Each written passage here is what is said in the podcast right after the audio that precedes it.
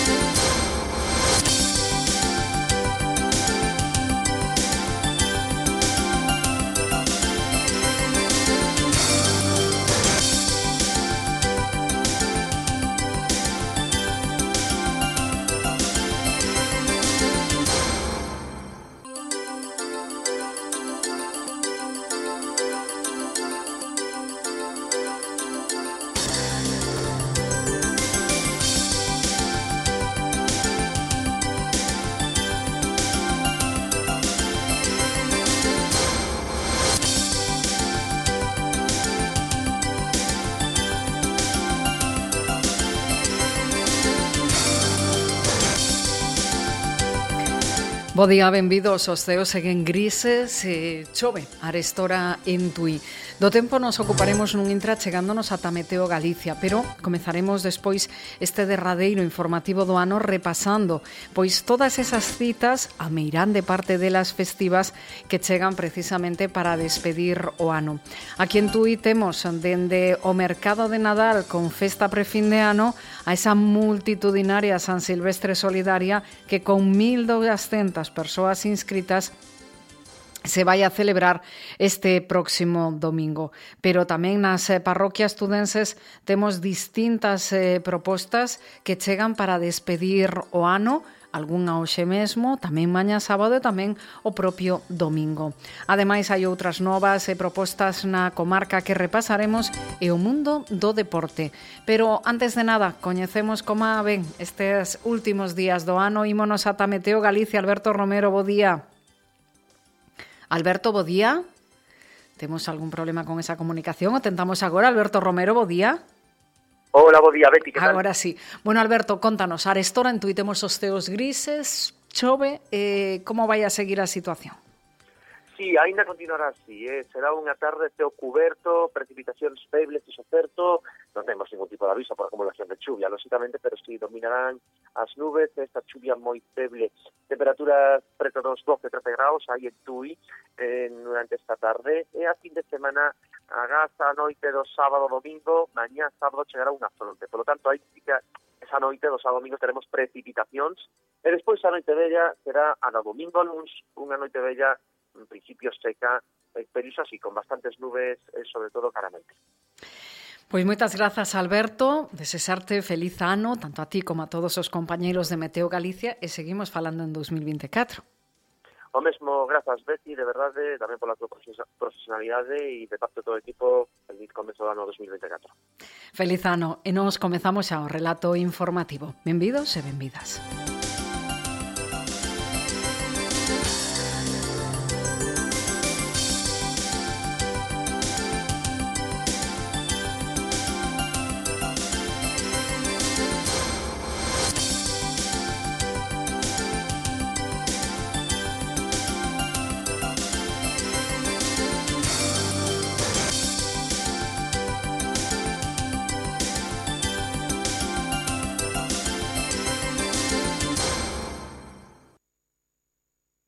Radio Municipal de Tui, a información máis cercana.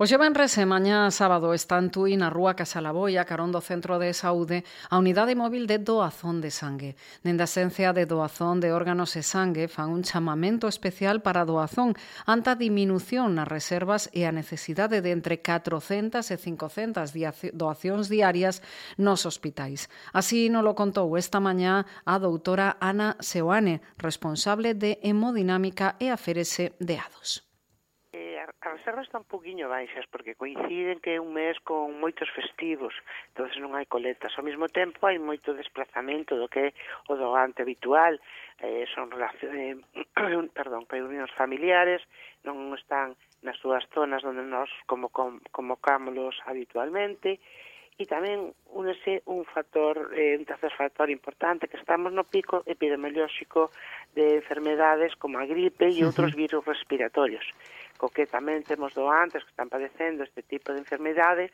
que se si as febres superan os 38 grados non poden donar hasta pasadas dúas semanas de, de a resolución dos síntomas. entonces faz un poquinho a tormenta perfecta, non? Eh, por unha parte temos menos eh, entradas e ao mesmo tempo estar tantas persoas enfermas, as, as ausencias tamén están nun pico alto de, de, de xente acudindo. Pues hai máis demanda, hai menos entrada e entonces isto, se si non entra, a sangue non se pode fabricar. Eh, Galicia necesita entre 400 a 500 unidades de sangre diariamente todo isto que falábamos do, do, do dos festivos, uh -huh. da non localización, os enfermos non coñecen que haya festivos. Xa. A gran maioría da sangue que nós consumimos é eh, enfermos crónicos, enfermos oncolóxicos. E estas enfermedades non entenden de que sea Navidad, de que sean festivos. A demanda, a necesidade de, de que poñerlle sangre sigue sendo igual todos os días do ano. Por eso temos que, conseguir entre 400 e 500 unidades diarias para poder abastecer a todos os hospitales. En Tuya Unidade Móvil está agora até as dúas e media. Esta tarde estará de 4 a 9, mañá sábado poderase doar en horario de 10 a 3 na Rúa Casala Boicoma, dicíamos, a Carón, do Centro de Saúde. Radio Municipal de Tui, a información máis cercana. Tui é un dos 40 concellos da provincia pertencentes á rede Ágora de Concellos polo Espazo Público que recibirá unha subvención da Deputación de Pontevedra para redactar 94 proxectos de recuperación de espazos públicos e sendas peonís e ou ciclables. As axudas que permiten sufragar o 90% do importe da redacción até un máximo de 50.000 euros por concello. A Deputación Provincial destina un 1,4 millóns de euros a esta convocatoria tras ampliar en 600.000 o orzamento inicial de 900.000. Estas axudas servirán para a redacción de proxectos de mellora peonil, de acondicionamento de diferentes rúas e contornas rurais e urbanas, a creación de sendas, a recuperación e humanización de viais ou a mellora estética e funcional de enclaves turísticos, entre outros. En concreto, TUI recibirá 50.000 euros para a redacción do seu proxecto. Tamén eh, en este caso, eh, Tomiño eh, o Rosal desenvolverán un proxecto con case 50.000 euros. A Guarda contará con 40.000 euros eh, para catro proxectos. Eh, son algúns dos municipios beneficiarios, o mesmo que Salceda, que contará con 30.000 euros para redactar dous proxectos eh, achegas que aprobaba esta mañá a Xunta de Goberno da Deputación de Pontevedra. Noticias na Radio Municipal de Tui. Tú ya afrontas xa os últimos días deste 2023 e faino, neste caso, pois cunha intensa actividade de carácter de lecer e festiva.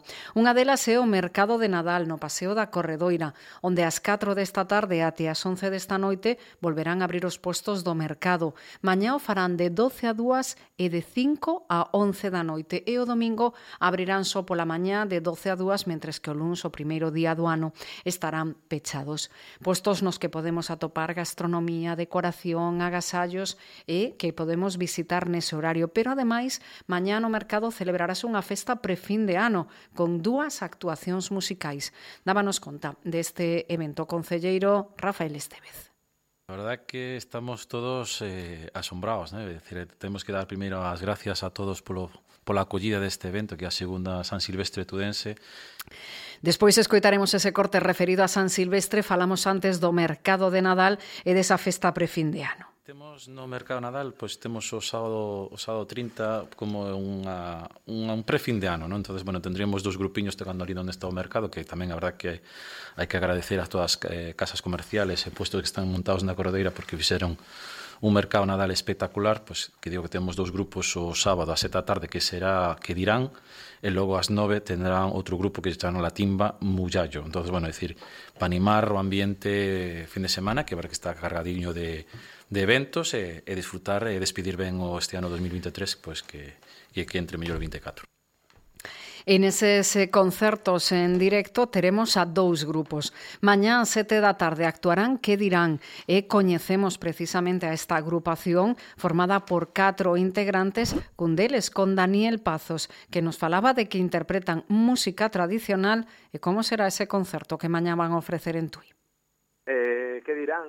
Eh, somos un grupiño de catro amigas Empezamos sendo eh, tres integrantes eh, aquí en Compostela, Eh, agora mesmo somos somos catro, unha percusionista, bueno, dúas percusionistas, perdón, eh, unha chelista e eu tocando acordeón. Estamos, nos facemos cancións de autor, facemos cancións propias, en que mantemos no noso repertorio pois moita da música tradicional e popular de Galicia, no que pretendemos achegar a un público pois pois internacional, a, tanto a cativos como a, a persoas maiores, a persoas de mediana edad, e intentar que entre elas e con nós pois tamén conecten pois a través do canto, a través do baile e que sexa pois tamén un espectáculo interactivo que poidan cantar con nos que é a, é a nosa idea. Pois vai a ser a nosa presentación na cidade. Na verdade, estamos moi ilusionadas, sí. Vai a ser o noso debut oficial como, como grupo con esta, con esta formación. Vamos a, a estrear tres temas uh -huh. nosos, tres temas novos e queremos ver tamén como son as reaccións do público, tamén temas así un carácter un poquinho máis intimista. E, bueno, eso, eh, o que dicía antes, moi moi ilusionadas non por este por este por este comezo, este novo comezo da do grupo. Que dirán que actuará ás 7 da tarde, logo ás 9 da noite chegará la timba Mullallo, formada por sete músicos, un deles é Ramiro García. Um, somos eh, somos sete sete músicos, dous percusionistas, Robert Santos, eh, Diego Hermoso tamén a batería, eh, e timbais e así, Robert Gascongas e, e os bongós, eh, ah, logo temos eh, no, contra, no baixo temos a Brais Iriarte, logo nos, na, na sección de metais está, está Ángel Montes co trombón eh, e Pablo Garrido saxofón. Uh -huh. Empezamos facendo Latin Jazz pero un bo día se xuntou con nós o que me faltaba por presentar, que era Isidro Betancourt, que é o noso vocalista, eh, que se viu da Habana e quedou en Galicia, dende xa fai, polo menos, aí do 2006, por aí. Empezou el a cantar con nós. Bueno, sería maravilloso, ¿no? Que todo o mundo chegase aquí, estivese con gañas de bailar, e de pasalo ben. É unha... Nos, o que facemos é basicamente música para,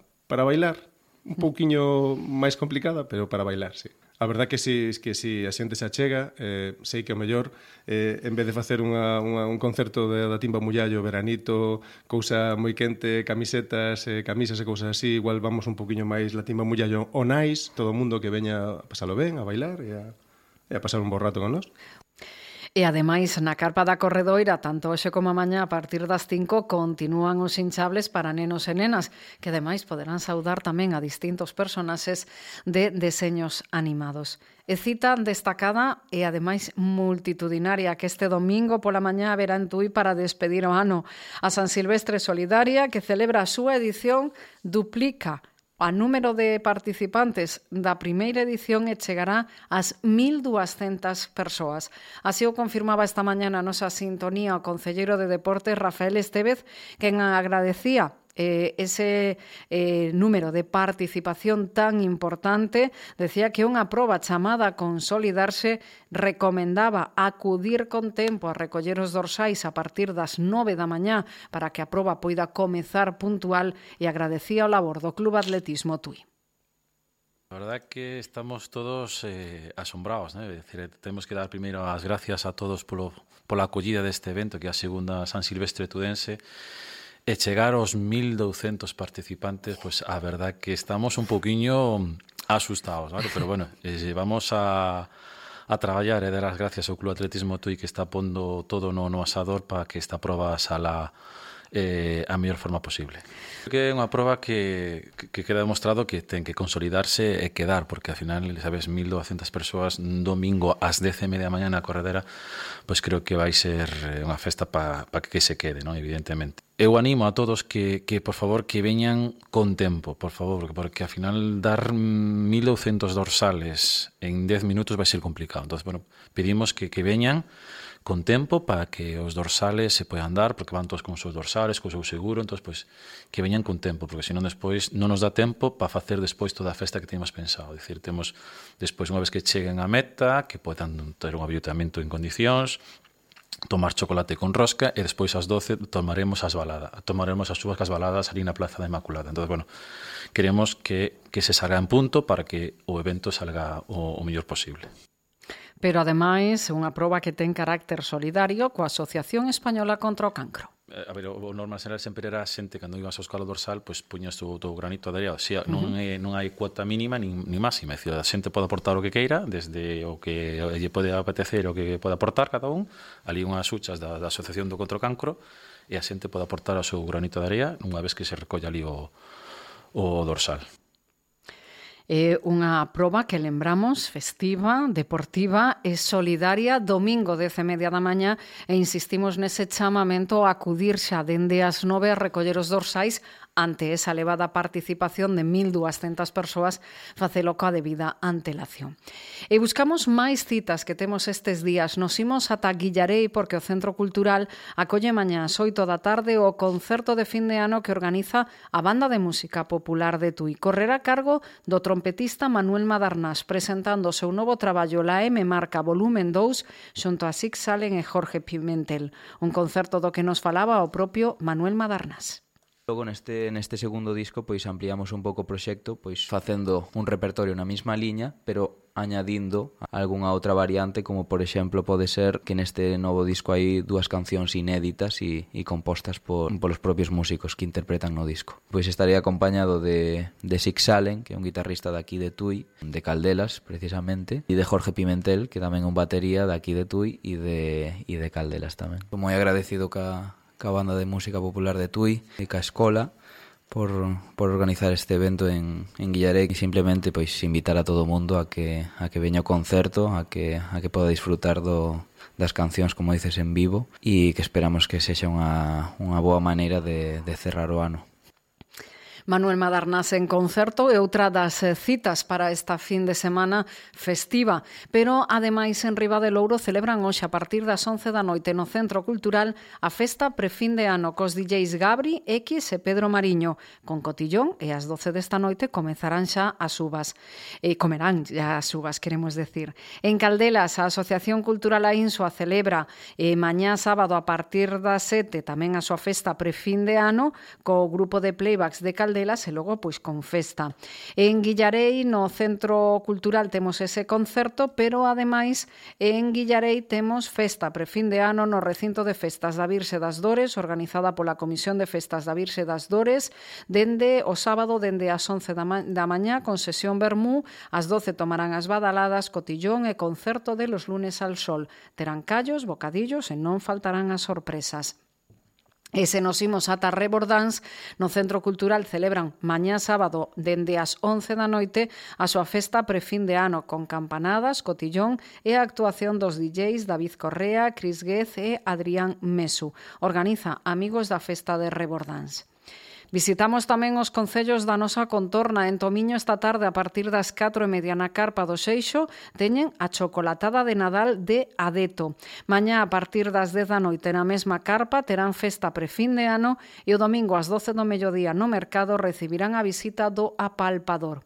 Pero ademais o domingo en Figueirón, no local da Comisión de Festas de San Campio de Lonxe, terán festa de fin de ano a partir da 1 e media da madrugada con DJ Manu, dende as 3 e media callos e as 5 e media, Chocolate con Rosca.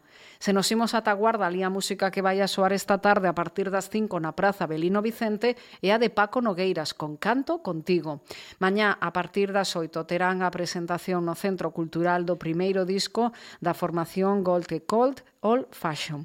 E no Rosal, a sete media desta tarde, hai unha charla titulada Vehículos eléctricos, cara onde imos. Eh, correrá a cargo de José de Lorenzo Tabales, enxeñeiro industrial, e será no Centro Social Político polivalente. En o Rosal o domingo a partir das 11 celebrarán tamén a súa carreira popular de San Silvestre no entorno da Praza do Calvario. Mentres mañá, a partir das 5, no Auditorio Municipal, acollen o show de comedia Iso é así chiño con os netos do Rosal. Organiza o Balinós Novas, o prezo da entrada é de 5 euros. En Olla, hoxe teñen obradoiro de sobremesas navideñas en Vila de Suso e en Salceda continúan os espectáculos de Pequeno Circo de Nadal e hoxe a partir das seis da tarde terán en concerto a Uxía Lambona e a banda Molona. Pero ademais en Salceda, na Praza do Concello, mañá sábado, a partir eh, das 4 da tarde celebran o quinto encontro de ranchos tradicionais, coa presentación das agrupacións participantes na Casa da Cultura e logo ás 4 e medio comezo do festival na Praza do Concello. Participan o Canto de Reis do Xenán de Salceda, o Rancho de Reis da Feira, tamén de Salceda, o Rancho de Reis de Lourido de Salvaterra, Madamas e Galáns de Cabeiro de Redondela, o Rancho Entroido da Feira de Salceda e o Rancho Folclórico Os Moleiriños do Gadaña de Monzón de Portugal. E se cruzamos a Nova ou a Bella Ponte Internacional, nos imos ata Valença para celebrar tamén ali o fin de ano ou o Aninovo, Blas. Sí, porque o municipio de Valença vai celebrar este domingo 31 de decembro o fin de ano coa súa festa Ola 2024.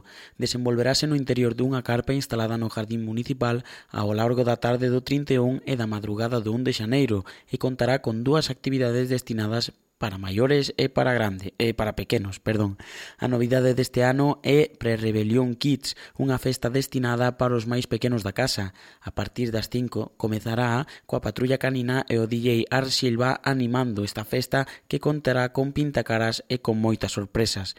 A segunda actividade será unha festa de pasaxe do ano no que a partir das 11, hora portuguesa, e dentro da carpa o grupo Calambeque e a dupla de DJs Kiss Kiss Bang Bang xunto coa presenza de varios bares valencianos, prometen facer pasar unha noite inesquecible a todos os asistentes. Pois aí temos como despedir o ano tamén en Valença e tamén podemos despedir o ano facendo ou acudindo a eventos deportivos.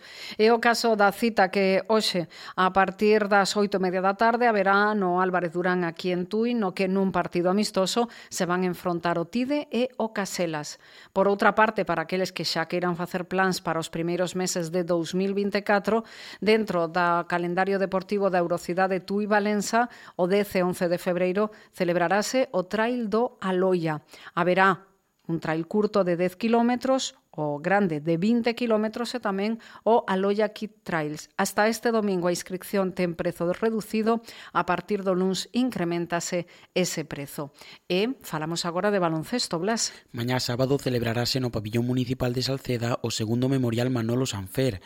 No encontro participarán o baloncesto Caselas, organizador e o Club Baloncesto Tui. Ás 10 da mañá xogarán os equipos cadete feminino, ás 11 cuarto haberá un torneo de tiro e ás 12 será quenda dos equipos cadete masculino. E por outra parte, na crónica deportiva desta xornada, falamos tamén de balonmán, comezamos no Rosal. Efectivamente, o Mecali Atlético Guardés xogará hoxe ás 8 da tarde fronte ao motívico Gijón Balonmano La Calzada no pabellón de la Arena. Este será o último partido do 2023 para as miñotas. O conxunto do Baixo Miño ven de gañar a xornada pasada fronte ao Replaza Betionac para afianzarse na sexta posición, mentres que o Gijón, que chega ao choque segundo na cola tras caer ante o de Prestigio, tentará cadar os dous puntos para sair dos postos de abaixo. Para este último partido do 2023, Cristina Cabeza, adestradora madrileña, contará con todas as súas xogadoras salvo as baixas xa coñecidas de Julia Nuez e Nerea Solares.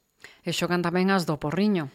Efectivamente, pero xogan media hora máis tarde, ás oito e media no pabillón da Esperanza de Lag, fronte ao ático Balonmán Elche.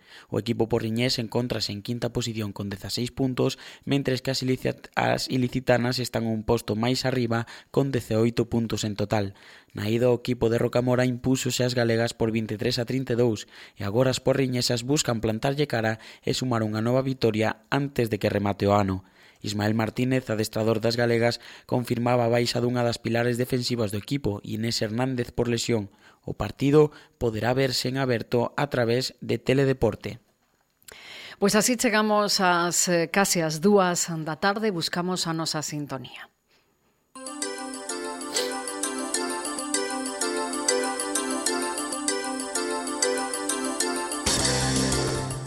Completamos así este espazo de información por esta xornada e tamén por este ano, pero non nos queremos despedir sen antes agradecerlle a súa confianza para informarse cada día do ano coa Radio Municipal de Tui.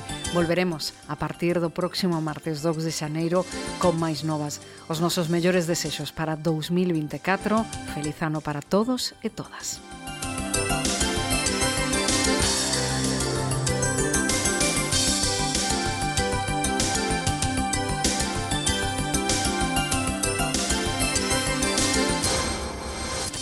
Radio Municipal de Tui. Noticias 1330.